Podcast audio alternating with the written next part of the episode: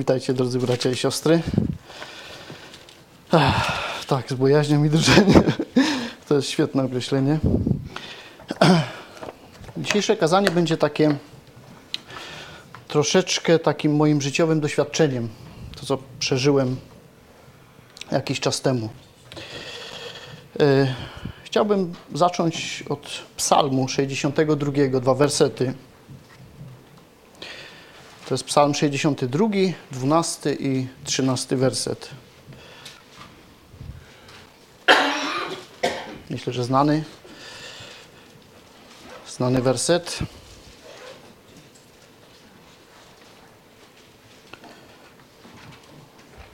Jeden raz przemówił Bóg, a dwa razy to usłyszałem, że moc należy do Boga i że u Ciebie, Panie, jest łaska, bo Ty odpłacasz każdemu według uczynków Jego. Wiecie, na ten psalm natknąłem się przy przygotowywaniu tego kazania. Mógłbym nawet tak powiedzieć, że dzięki niemu odkryłem taką moją ducho, duchową głuchotę. Takie hmm, powolne jarzenie. Nie wiem, czy tak się mówi teraz. Bóg przemówił do mnie, ale ja to musiałem usłyszeć nie dwa, ale więcej razy. Zaraz wyjaśnię o co chodzi. Od jakiegoś czasu grała mi w głowie pewna melodia. Melodia i fragment tej melodii, który brzmi tak. Myślę, że starsze pokolenie będzie go znało. Szukaj mnie cierpliwie dzień po dniu, staraj się podążać moim śladem. Jest to fragment piosenki Edyty Geppert. I wiecie, ten tekst wbił mi się tak troszeczkę w głowę. Wiecie, jak to jest, gdy ktoś zanuci jakiś kawałek i po prostu e, towarzyszy on przez cały dzień, albo czasem i dłużej. No to właśnie tak miałem. Wiecie, ten taki prosty tekst nie dawał mi spokoju, bo wskazywał, jak możemy się chyba domyśleć, na Jezusa. Pokazywał mi, że Bóg zaczyna się dopominać o swoją uwagę. I robił to w podobny sposób jak ojciec, który stara się dotrzeć do swojego dziecka, a ten ciągle jest czymś zajęty albo udaje, że jest czymś zajęty i nie jest zbytnio zainteresowany rozmową z tatą. Odniosło się to właśnie do mnie. Właśnie jakbym zaczął zaniedbywać tą relację z Bogiem, zaczął zajmować się czymś kompletnie innym, czymś tak naprawdę nieistotnym i niewymagającym aż tak zaangażowania myślowego ale on jest kochającym ojcem. I wiedział lepiej ode mnie, że bardzo go potrzebuję w walce, jaka toczy się wokół mnie, a o której najwyraźniej zapomniałem. Chodzi o walkę duchową. A tak było faktycznie, bo jakiś czas temu zaczęło się nie za dobrze dziać. Zacząłem sobie pozwalać na więcej, aniżeli powinienem. Bóg wie, o czym mówię, dlatego zareagował. Biblia mówi, że jestem wolny, a jak wolny, to mam wolność wyboru. I właśnie mój wybór padł na to, co było akurat dla mnie najlepsze. Czytając jednak Biblię, wiemy, czym jest owa wolność i jak mamy się z nią obchodzić. Pamiętacie, co napisał apostoł Paweł? Wszystko mi wolno. Gdybym nie dokończył reszty tego wersetu, to w takiej formie byłby, można było powiedzieć, takim sloganem, który mówi: rób ta, co chce ta. A jednak jest ciąg dalszy, który ostrzega przed złym korzystaniem z wolności, która może doprowadzić nawet do zniewolenia. Wszystko mi wolno, ale nie wszystko jest pożyteczne. Wszystko mi wolno, lecz ja nie dam się niczym zniewolić. A w innym miejscu Paweł tak pisze: Bo wy do wolności powołani zostaliście, bracia. Tylko pod pozorem tej wolności nie pobłażajcie ciału, ale służcie jednym jedni drugim w miłości. A ja właśnie zacząłem pobłażać swojemu ciału. Wyglądało to tak, jakbym chciał w końcu wywieścić taką białą flagę, na, żeby tak na chwilę zaczerpnąć tego świeżego powietrza, odetchnąć od wszelkich obowiązków, od wszelkich problemów, od wszelkich zmartwień. Wiecie, jak to jest, gdy wszystko nas w dziwny sposób denerwuje i zaczynasz zastanawiać się, co jest tego przyczyną. Zacząłem się zastanawiać, czy to może jakieś, nie wiem, przekwitanie. Powoli dobijam do pięćdziesiątki. No jeszcze trochę zostało. No może stres, piętrzące się różnorakie problemy, praca, może rodzina, może ten cały podział w rodzinie, albo napisanie tego kazania, które takie dla mnie jest ogromnym wyzwaniem, a może nie wiem, zwykłe pospolite wypalenie, znużenie, albo może też złe jedzenie. No było kilka pomysłów. I wiecie co? Człowiek wtedy chce się odciąć od tego wszystkiego. Wyjechać, gdzieś odpocząć, najlepiej z dala od ludzi, obowiązków, natrętnych myśli, tak bardzo często oskarżających mnie. I ten głos sumienia, który woła coraz głośniej, musisz przestać, bo odejdziesz za daleko. A przecież wiesz, gdzie masz się udać. Musiałem wtedy na poważnie się zatrzymać, ocenić sytuację i zacząć, za zacząć szukać pomocy już nie w doktorze Google i swojej mądrości, ale przyznać się do błędu i poprosić o pomoc jedynego prawdziwego eksperta, który ma każdego dnia do czynienia z takimi przypadkami, a mianowicie do Jezusa. Wiecie, ta wolność, o której mówi Paweł, to jak najbardziej prawdziwa wolność. Jednak czy ona ma się objawiać w nieposłuszeństwie Adama, który zjadł zakazany owoc? Czy raczej w posłuszeństwie Jezusa, który mówi: Nie moja, lecz Twoja wola niech się stanie? Zatem, czy podążam w swojej wolności za Jezusem, czy raczej za Adamem? Chcę być posłuszny, czy raczej nieposłuszny?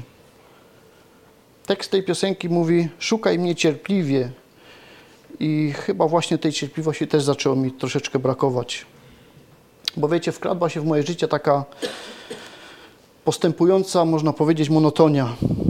Życie zaczynało stawać się takie troszeczkę szablonowe, takie sztampowe, takie ciągłe powtarzanie tych samych czynności. Do tego dochodziło takie zmęczenie, choć nic super ciężkiego nie robiłem. Zaczęło się wyolbrzymianie problemów, taka nerwowość. Modlitwa była jakby taka bez serca. A Słowo Boże, no właśnie, ono było coraz bardziej odkładane na później. Relacja z Jezusem stawała się coraz słabsza i już nie była taka żywa jak kiedyś. I słyszałem głos tej piosenki i nuciłem ją cały czas, a on tak dobitnie mieszał mi w moim umyśle. No bo czy to Bóg do mnie mówi? Czy po prostu sobie coś wkręcam? No bo chyba, no nie jest aż tak źle. Szukaj mnie cierpliwie dzień po dniu i staraj się podążać moim śladem. Wciąż brzęczał mi w uszach. Wiecie, jest taki wspaniały fragment w Biblii, który mówi o naszym orędowniku. I szczerze dziękuję Bogu za ten werset. Jest to pierwszy list Jana, znany nam. Pierwszy rozdział od ósmego do dziesiątego i drugi rozdział od pierwszego do drugiego. Ja to przeczytam w całości. Jeżeli mówimy, że grzechu nie mamy, sami siebie zwodzimy i prawdy w nas nie ma. Jeśli wyznajemy grzechy swoje, wierny jest Bóg i sprawiedliwy i odpuści nam grzechy i oczyści nas od wszelkiej nieprawości. Jeśli mówimy, że nie zgrzeszyliśmy, kłamce z Niego robimy i nie ma w nas słowa Jego. Dzieci moje, to wam piszę, abyście nie grzeszyli. A jeśli by kto zgrzeszył, mamy orędownika u Ojca, Jezusa Chrystusa, który jest sprawiedliwy. On Ci jest ubłaganiem za grzechy nasze, a nie tylko za nasze, lecz i za grzechy całego świata. Wiecie, tu to słowo orędownik to jest greckie słowo parakletos, myślę, że wszystkim znane. Zostało tutaj przetłumaczone jako orędownik, ale ona ma bardzo, o wiele szersze znaczenie. Bo to jest osoba, którą wzywa się na pomoc.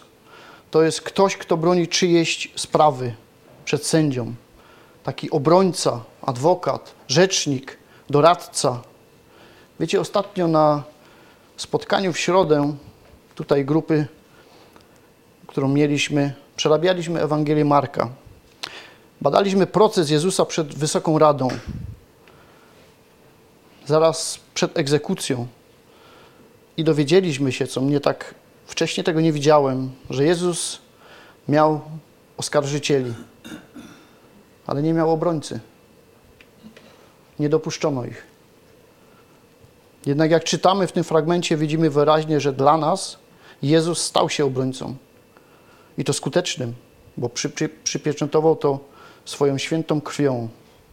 To same słowo greckie odnosi się również w kontekście do Ducha Świętego, nazywając go pocieszycielem.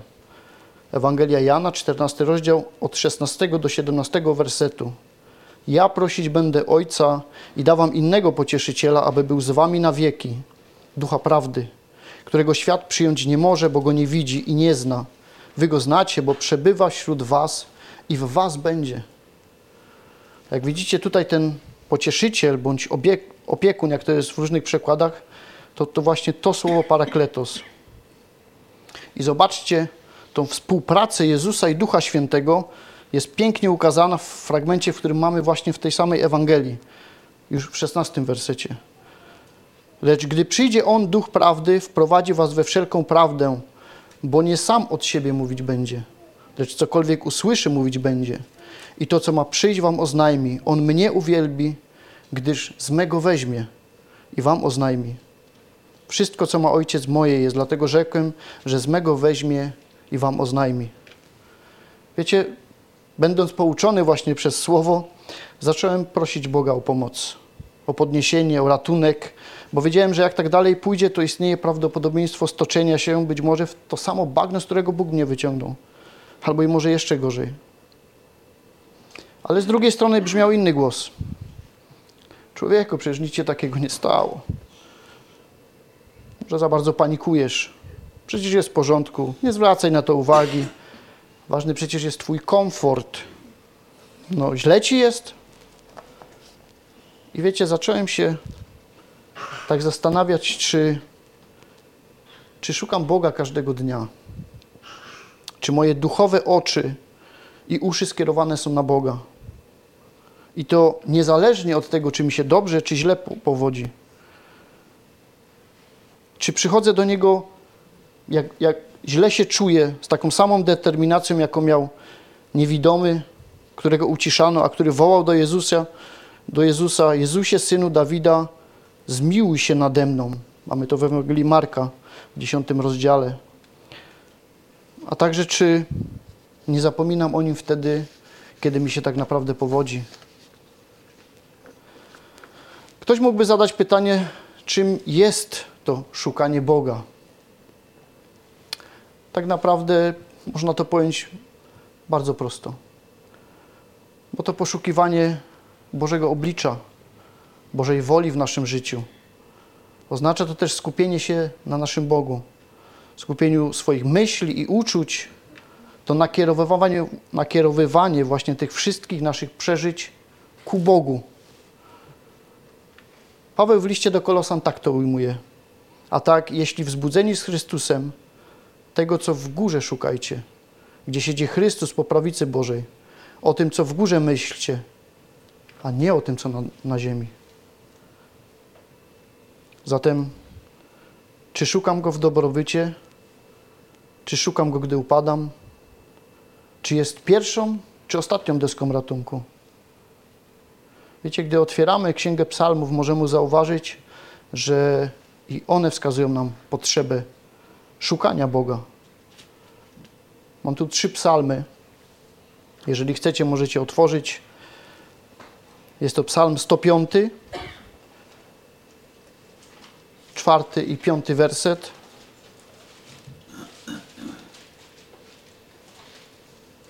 Szukajcie Pana i mocy Jego. Szukajcie zawsze oblicza Jego.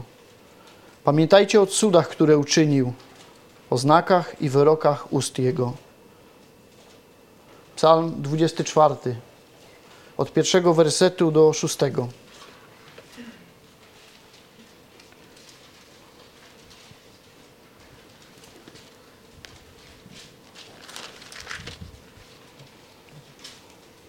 Pańska jest ziemia i to, co ją napełnia, świat i ci, którzy na nim mieszkają.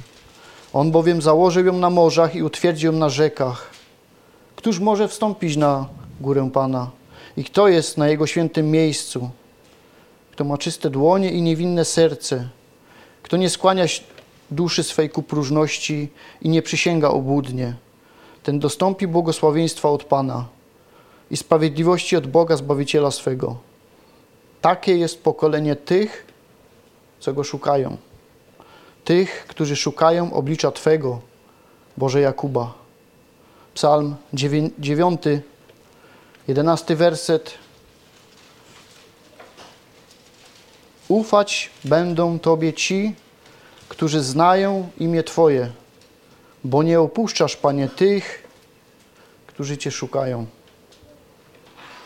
Bo nie opuszczasz, Panie, tych, którzy Cię szukają. Szukają każdego dnia.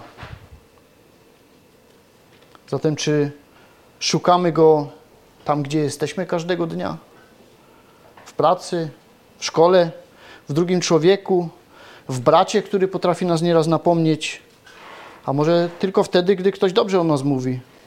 No bo jak jest nieżyczliwy, no to chyba trzeba mu odpłacić tym samym, żeby zrozumiał, co zrobił. A wiecie, jak napisał król Salomon? Nie mów, jak on postępuje ze mną, tak ja z nim postąpię. Każdemu oddam według jego czynu. Jezus dodatkowo dodaje, co byście chcieli, by wam ludzie czynili, to wy im czyńcie. Ewangelia Mateusza, 7 rozdział, 12 werset.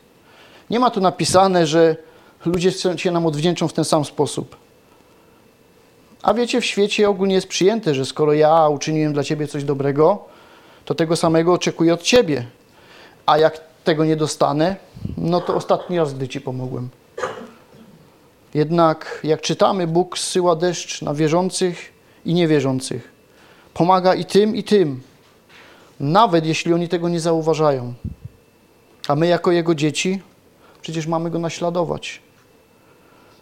Bóg mówi: bądźcie wy tędy doskonali, jak Ojciec Was niebieski doskonały jest. Nie oczekujmy wdzięczności, ale zarażajmy miłością, którą mamy od Boga.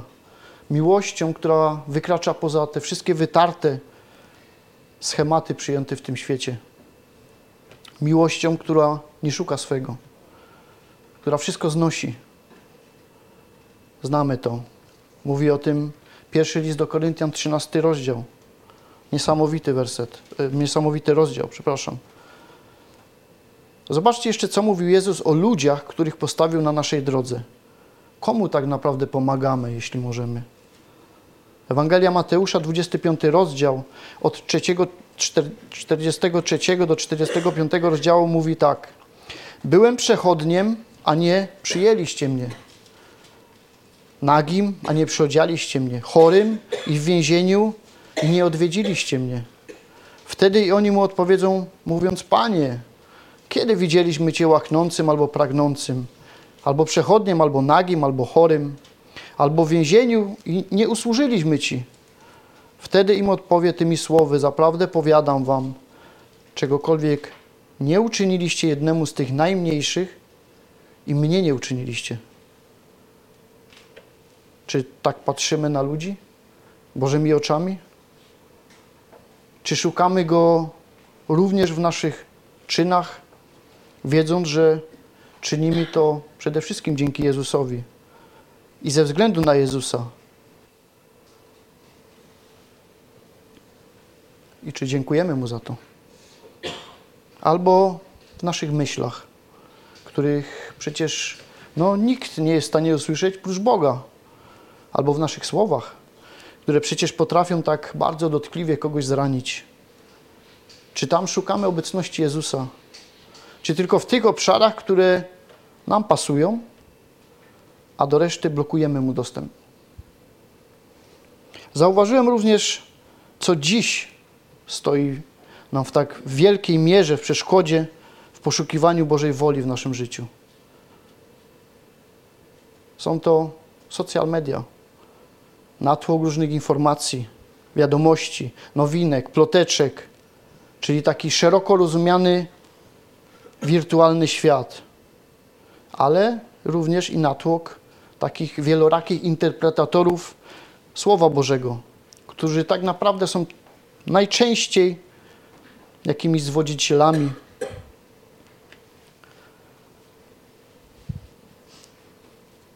W dzisiejszym świecie mamy tak naprawdę za dużo tych bodźców, za dużo tych informacji, które za wszelką cenę wiele razy nie chcemy przegapić, a które walczą o widza, Jest ich coraz więcej i więcej, a ta cała technologia mknie jak Formuła 1 na torze. A my czasem próbujemy ją dogonić i tracimy przez to cenny czas dany nam od Boga. Pamiętam, pastor nieraz mówił, że gonimy tego białego króliczka, a te ważne sprawy Boże umykają nam bokiem. Nieraz przegapiając nawet okazję do dobrego czynu. Coraz ciężej nam usłyszeć Boży głos, który delikatnie daje o sobie znać. Ten sam sposób, gdy pamiętacie, gdy Bóg przychodził do Adama i Ewy, jak to się odbywało? W powiewie dziennym, tylko cicho szeleszcząc. Czy my dzisiaj słyszymy ten szelest? Czy przesłaniają nam go głośne dźwięki dochodzące z naszych smartfonów i telewizji, które gonią za każdą sensacją, gdzie przeszkoleni do tego ludzie starają się, by coraz bardziej zaciekawić, a tym samym zniewolić nasz umysł, by był skupiony tylko na nim, na nich. I wiecie, że to działa? Osobiście uważam, że cały internet nie jest sobie sam sobie zły. Raczej wszystko zależy, w jakim celu się go używa i jak długo. Czy przez to nie, nie zaniedbujemy naszych obowiązków, naszej relacji z Bogiem i z ludźmi? Może być świetną pomocą i ułatwieniem. Wiecie, podobnie jest z nożami. Lubię ten prosty przykład, bo bracia dobrze wiedzą, że lubię noże. Nóż może służyć do wielu przydatnych i ułatwiających nam zadań czy prac, ale też może być użyty w złym zamiarze. Jednak ten internetowy matrix w dzisiejszym świecie stał się takim naszym pożeraczem czasu, który potrafi niezwykle silnie uzależnić. No to jak się z niego wyrwać? Jedynie przez odtrutkę, jaką dał nam Bóg, jedynie przez Jezusa i Jego uwolnienie, które nam oferuje każdego dnia, bo nie chce, abyśmy podążali za tym światem, ale chce, abyśmy przychodzili codziennie do Niego. byśmy szukali Go w powiewie leniwego dnia, jak i w czasie ostrej burzy nocnej. Byśmy kroczyli tym wytyczonym przez Niego szlakiem, tym wąskim szlakiem. I to jest dla nas dobre, bo to droga do miejsca, gdzie panuje szczęście, gdzie nie, nie będzie już łez, nie będzie płaczu, bólu, gdzie na wieczność będziemy razem z Nim. Wiecie, dlaczego chcę przebywać z Jezusem i szukać Go również w sobie samym? Zadaliście sobie kiedyś to pytanie? Dla mnie przebywanie z Nim sprawia, że chcę być lepszym człowiekiem, lepszym mężem, lepszym ojcem, lepszym bratem i coraz lepszym synem. Przebywanie z kimś, kto ma tak ogromny wpływ na mnie i moją zmianę, powoduje, że to, co złe, ustępuje na rzecz tego, co dobre. Spotkanie z Jezusem uspokaja, ukaja nerwy, to rozmowa z przyjacielem, który słucha uważnie i naprawdę interesuje się naszymi sprawami. To ktoś, kto poświęca swój czas dla mnie i dla Was. Poświęcił nawet swoje życie, by ukazać nam swoją miłość do nas oraz tak, takie pełne zaangażowanie, jak i naprawdę pełne zaangażowanie w ratunek, który jest potrzebny każdemu z nas. Niektórzy nawet nie zdają sobie sprawy, że naprawdę go potrzebują. Choć go czczą w różnych kościołach. Czczą go, no bo tak trzeba, bo tak nakazuje tradycja i religia wyssana z mlekiem matki. Ale nie my, bo dzięki Biblii i własnych przeżyciach wiemy, kim on jest. Wiemy, co zrobił i co robi cały czas dla każdego z nas. I dlatego nasza wdzięczność nie powinna polegać na tej nieświadomości, ale na oddawaniu czci Bogu z należytą i prawdziwą wdzięcznością. Nie na okazywaniu czci Bogu z powodu jakichś religijnych reguł czy zasad, ale na okazywaniu czci w duchu i prawdzie. To ma być relacja, a nie rytuał. To ma być przyjaźń, a nie sporadyczne odwiedziny. To ma być miłość, a nie religijny obowiązek. Jezus mówi, żebyśmy szukali najpierw Królestwa Bożego. W Ewangelii Mateusza tak powiedział, ale szukajcie najpierw Królestwa Bożego i sprawiedliwości Jego, a wszystko inne będzie Wam dodane. Czy tak się dzieje w naszym życiu? Czy szukamy Królestwa Bożego? I znów ktoś mógłby zapytać, a czym jest to Królestwo Boże, które warte jest takiego pełnego zaangażowania w jego szukanie? Wiecie, list do Rzymian w przekładzie Biblii Warszawsko-Praskiej, jest to list do Rzymian, 14 rozdział, od 17 do 19 wersetu, pięknie to ukazuje. Tam jest oczywiście kontekst o jedzeniu, jednak wspaniale pokazuje istotę tego Królestwa Bożego. Królestwo Boże to nie sprawa jedzenia i picia. Jego istota to sprawiedliwość, pokój i radość, którą daje Duch Święty. Kto w ten sposób służy Chrystusowi, ten jest miły Bogu, a u ludzi cieszy się uznaniem. Zabiegajmy tędy o, co, o to, co pożyteczne, dla zachowania pokoju i co przyczynia się do wzajemnego zbudowania w wierze. Jak możemy zobaczyć, to właśnie poszukiwanie Królestwa Bożego to poszukiwanie sprawiedliwości, pokoju, miłości, służby dla Chrystusa, wzrostu w wierze, radości i to nie byle jakiej radości, ale radości w Duchu Świętym. A to prawdziwa i tak naprawdę pełna radość. Wiecie dlaczego? Bo jest wieczna i nikt tej radości nie będzie w stanie nam jej odebrać. Możemy tą radość też wnosić tam, gdzie jej najbardziej brakuje. Być może Bóg kogokolwiek z Was umieścił w takim miejscu, gdzie tej radości nie ma. Jednak trzeba sobie zadać oczywiście od razu pytanie, czy mamy tę radość? Tę radość, którą daje właśnie Duch Święty. Czy ta radość jest w stanie rozwiewać te czarne chmury takich problemów, jakie przeżywasz? Czy może stała się, jak w moim przypadku, taka lekko sztampowa? Jeśli tak jest, to najpierw udaj się z tym do Króla Królów, do Władcy Królestwa Bożego i zarazem Pana Twojego życia. Zaufaj Mu, a On na pewno Cię wyciągnie i nie będzie Ci tego wypominał, więc sam sobie też tego nie rób. Wiecie dlaczego? Bo Bóg mówi, czy nie wiesz, czy nie słyszałeś? Bogiem wiecznym jest Pan, Stwórcą krańców ziemi. On się nie męczy i nie ustaje. Niezgłębiona jest Jego mądrość. Zmęczonemu daje siłę, a bezsilnemu moc w obfitości. Młodzieńcy ustają i mdleją, a pocholęta potykają się i upadają. Lecz ci, którzy ufają Panu, nabierają siły, wzbijają się w górę na skrzydła jak orły, biegną, a nie mdleją, idą, a nie ustają.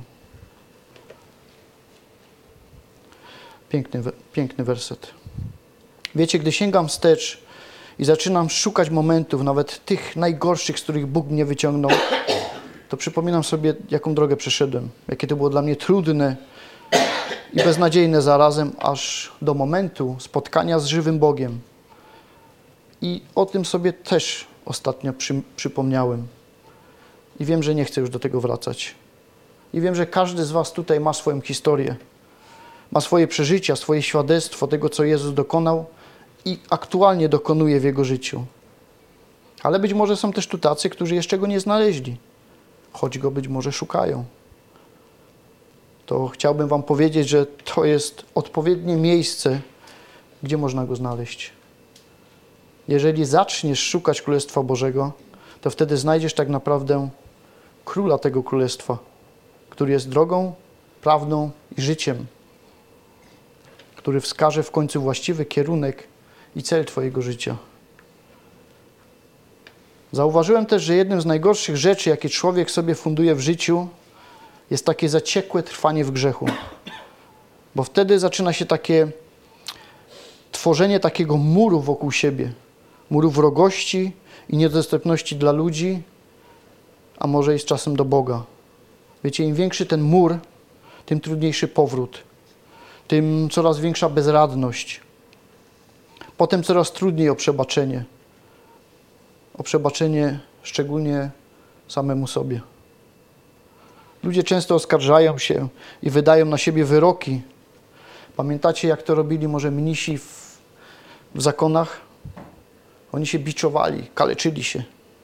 Ale Bóg tego nie chce od nas, absolutnie. A my tak właśnie często kaleczymy się. Może nie w tak brutalny cieleśnie sposób, ale robimy to w umyśle. Oskarżamy się, popełniając grzech, i oczywiście jest to zdrowa reakcja. I dobrze, jeżeli tak jest, ale musimy pamiętać, że to jeszcze nie jest koniec. Bo tkwiąc w takiej niekończącej się bańce, zamykamy sobie drogę powrotu do Ojca. Wiecie, gdyby syn marnotrawny pozostał tam, gdzie upadł, czy doświadczyłby tak wielkiej miłości Ojca, pomimo tak haniebnego czynu, jakiego dokonał? A przecież wracał do Niego jedynie z myślą, by zostać Jego sługą. A Ojciec? Jak odmienna reakcja od, tej, od której oczekiwał Syn. Wiecie, czy my nie wyciągamy lekcji z tych historii? Bo grzech jest jak bagno, które wciąga coraz mocniej. A Ty nie jesteś w stanie, w stanie sam sobie pomóc. Mało tego, grzech przekonuje Cię, że nikt nie jest w stanie Ci pomóc. Bo zrobiłeś coś, co nie może być przebaczone. Sam słyszałem takie stwierdzenie od pewnego człowieka. Wiecie, ale to jest kłamstwo. To jest kłamstwo, które może dotknąć każdego człowieka. Ale ludzie, którzy znają Boga, a znamy Go poprzez Jego Słowo, znamy Go, bo doświadczyliśmy przebaczenia i myślę, że nie jeden raz wiedzą, że Bóg jest miłosierny i dobrotliwy i wybaczający. Więc albo odrzucamy Bożą łaskę, albo ją przyjmujemy. Przyjmujemy ją jako silniejsi o to doświadczenie. Wiecie, jeżeli, jeżeli ktoś miałby wątpliwości co do cierpliwości Boga względem nas i wybaczaniu, no to niech zobaczy, choćby wziąłem tylko dwa fragmenty. Księga Jonasza, czwarty rozdział od pierwszego do drugiego wersetu. Jonasz, Jonaszowi bardzo się to nie podobało, także się rozgniewał i modlił się do Pana, mówiąc, ach Panie, czy nie to miałem na myśli, gdy jeszcze byłem w mojej ojczyźnie? Dlatego pierwszym razem uciekałem do Tarszyszu. Wiedziałem bowiem, że Ty jesteś Bogiem łaskawym, miłosiernym, cierpliwym, pełnym łaski, który żałuje nieszczęścia. A drugi, Mojżesz, Mojżesz to ten, który rozmawiał z Panem twarzą w twarz. Zobaczcie, jak go opisuje. Wtedy Pan przeszedł obok niego, a on zawołał: Panie, Panie, Boże miłosierny i łaskawy, nieskory do gniewu, bogaty w łaskę i wierność. Nie daj się oszukiwać, drogi bracie, droga siostro, jeżeli myślisz, że Twój upadek oddalił Cię od Boga tak daleko, że już nie ma drogi powrotu lub że Bóg zapewne nie wybaczy ci tego upadku, tego ponownego upadku. Jeżeli jesteś dzieckiem Bożym, a ci, którzy czytają Słowo Boże, wiedzą, kto nim jest, to wiedz jedno: Bóg, jedynie Bóg jest w stanie wyciągnąć cię z bagna, w które wpadłeś, jakiekolwiek by ono nie było. Jest gotowy chwycić cię za rękę i wyciągnąć. On nie odwraca się od tych, co wołają ale jest aktywny w naszym życiu. Nawet wtedy, gdy przestałeś, przestałeś, przestałaś go szukać, on nie przestaje wołać za tobą, gdzie jesteś. Wytęż słuch i cierpliwie nasłuchuj. Jeżeli nie usłyszysz raz, to może musisz usłyszeć ponownie i ponownie. Podobnie jak pisał psalmista na początku tego kazania, albo podobnie jak ja, który musiałem usłyszeć za którymś razem. Wiecie, muszę się Wam przyznać, że wiele razy nie szukam Boga, nie nasłuchuję, choć staram się, by było inaczej. I widzę, że im więcej z Nim przebywam, tym rzadziej mi się to zdarza. Jednak wiem też, że Bóg nie daje mi o sobie zapomnieć. I szczerze dziękuję Mu za to. Dociera do mnie w różne sposoby. Może nawet użyć jakieś piosenki, jak to w moim przypadku. ale wiem, że też, że Bóg używa różnych sposobów, by do nas dotrzeć. Jednak, no właśnie, czy my jesteśmy nastawieni na szukanie Go? Pamiętacie taką kobietę w Biblii o imieniu Rodę w dziejach apostolskich, gdy aresztowana, aresztowana Piotra, a cały zbór modlił się, żeby wyszedł. No i wyszedł. Ale ta dziewczyna po modlitwach od razu poleciała nasłuchiwać. Czy spełnia się modlitwa? Czy my tak samo nasłuchujemy i wyczekujemy spełnienia się tego, o co prosimy? Czy raczej modlimy się i zapominamy, bo trzeba przejść do porządku dnia przecież? Czy może to trwa już tak długo, a Bóg wciąż nie odpowiada, wciąż zwleka w naszej sprawie? I naprawdę można się wtedy załamać, bo wiem, że jako ludzie jesteśmy niecierpliwi. Wiem to sam właśnie po sobie. A Bóg mówi: Oto ręka Pana nie jest tak krótka, aby nie mogła pomóc, a jego ucho nie jest tak przytępione, aby nie słyszeć. A Izajasz? Bo myśli moje to nie myśli wasze. Znamy ten fragment. A drogi wasze to nie drogi moje, mówi Pan. Lecz jak niebiosa są wyższe niż ziemia, tak moje drogi są wyższe niż drogi wasze i myśli moje niż myśli wasze. Bóg doskonale słyszy. On doskonale wie, co ma robić. A my tak często staramy się przyspieszyć ten bieg wydarzeń i pomóc mu w działaniu. Choć często to przynosi naprawdę upłakane skutki. Pamiętacie, jak to było w przypadku Abrahama, Sary i Hagar? Znamy tę historię. Dlatego ja dzisiaj mówię do Was, przede wszystkim do samego siebie. Miej wiarę w to, że Bóg jest w stanie rozwiązać każdy Twój problem. Jednak zrobi to po swojemu. A wiem, że Jego rozwiązanie jest najlepszym możliwym rozwiązaniem ze wszystkich dostępnych nam opcji. Ostatnio słyszałem takie stwierdzenie, że jeżeli Bóg zgadza się z nami we wszystkim, o co Go prosimy, to to tak naprawdę nie jest Bóg Biblii. Wiecie, zgadzam się z tym stwierdzeniem. Bo my często ludzie podchodzimy do Boga tak roszczeniowo, jakby musiał spełniać o to, o to, o co Go prosimy. O nie, nie musi. Bo Jego plany górują o wiele wyżej od naszych. Dlatego powinniśmy się przede wszystkim kierować słowami Jezusa: Nie moja wola, ale Twoja, Panie, niech się stanie. Stawiając Jego sprawę jako priorytet, a nie przeszkodę. Wiecie, Bóg jest niesamowity. Bóg jest niesamowity, powołując Kościół, powołując Was tutaj. Bo wiecie, jak tak na Was patrzę, to mogę tutaj powiedzieć, że jestem szczęściarzem. Mogę doświadczać Bożej pomocy.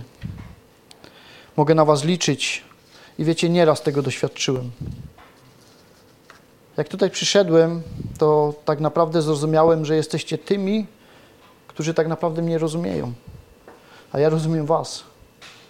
Którzy tak jak ja zaczęli pokładać ufność w Bogu, dla których Słowo Boże jest tym prawdziwym Słowem pochodzącego od samego Boga. Ludźmi, którzy oddali swoje życie lub są na dobrej drodze dokonania tego. Wiecie, nie dziwię się Pawłowi, gdy o zborach mówi, że są Jego chwałą, radością, czy my tak patrzymy na nasz zbór? Czy możemy powiedzieć za psalmistą: Uradowałem się, gdy mi powiedziano, do domu Pana pójdziemy? Wiecie, patrząc na siebie, widzę bardzo często, że nie doceniam tego, że mogę tutaj być, że mogę tutaj stać, a nawet głosić. Często wzbraniam się od tego.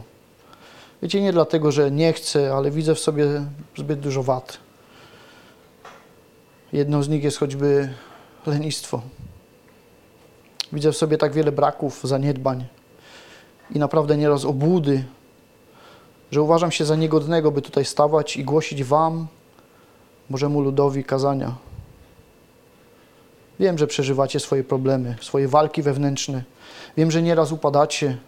Wiem, bo też jest, jak Wy jestem człowiekiem. I wiem też, że Jezus o nich wie, bo również stał się człowiekiem i doświadczał człowieczeństwa. Jednak wiem również, że jako Kościół, jako wspólnota, jako rodzina jesteśmy w stanie razem sobie nawzajem pomagać. Biblia bardzo dużo mówi o takiej wzajemnej pomocy. Między innymi też po to powstał Kościół. Wiemy też, że ta księga to co, co dostaliśmy, jest prawdziwym, natchnionym słowem. Jest instrukcją tego życia ludzkiego. Ukazuje nam przepiękny wzór, jaki mamy w Jezusie, Bożym Synu. Mówi, byśmy nie tylko czytali, ale wprowadzali te słowa i postawę w czyn. Zgromadzamy się tutaj jako Kościół, by chwalić Boga, uczyć się od Niego, naśladować Go, pomagać, służyć, ale to wszystko jest dzięki Bożej miłości, jaką mamy w Jezusie. I kończąc już, powiem tylko tyle. Szukaj Jezusa każdego dnia i staraj się podążać Jego śladem. Niech to będzie naszym celem w życiu. Zakończę wersetem z Księgi Izajasza, 55 rozdział, od 6 do 7 wersetu. Szukajcie Pana, dopóki można Go znaleźć. Wzywajcie Go, dopóki jest blisko. Niech bezbożny porzuci swą drogę, a przestępstwa swoje zamysły i niech się nawróci do Pana, aby się nad Nim zlitował, do naszego Boga, gdyż jest hojny w odpuszczaniu. Amen.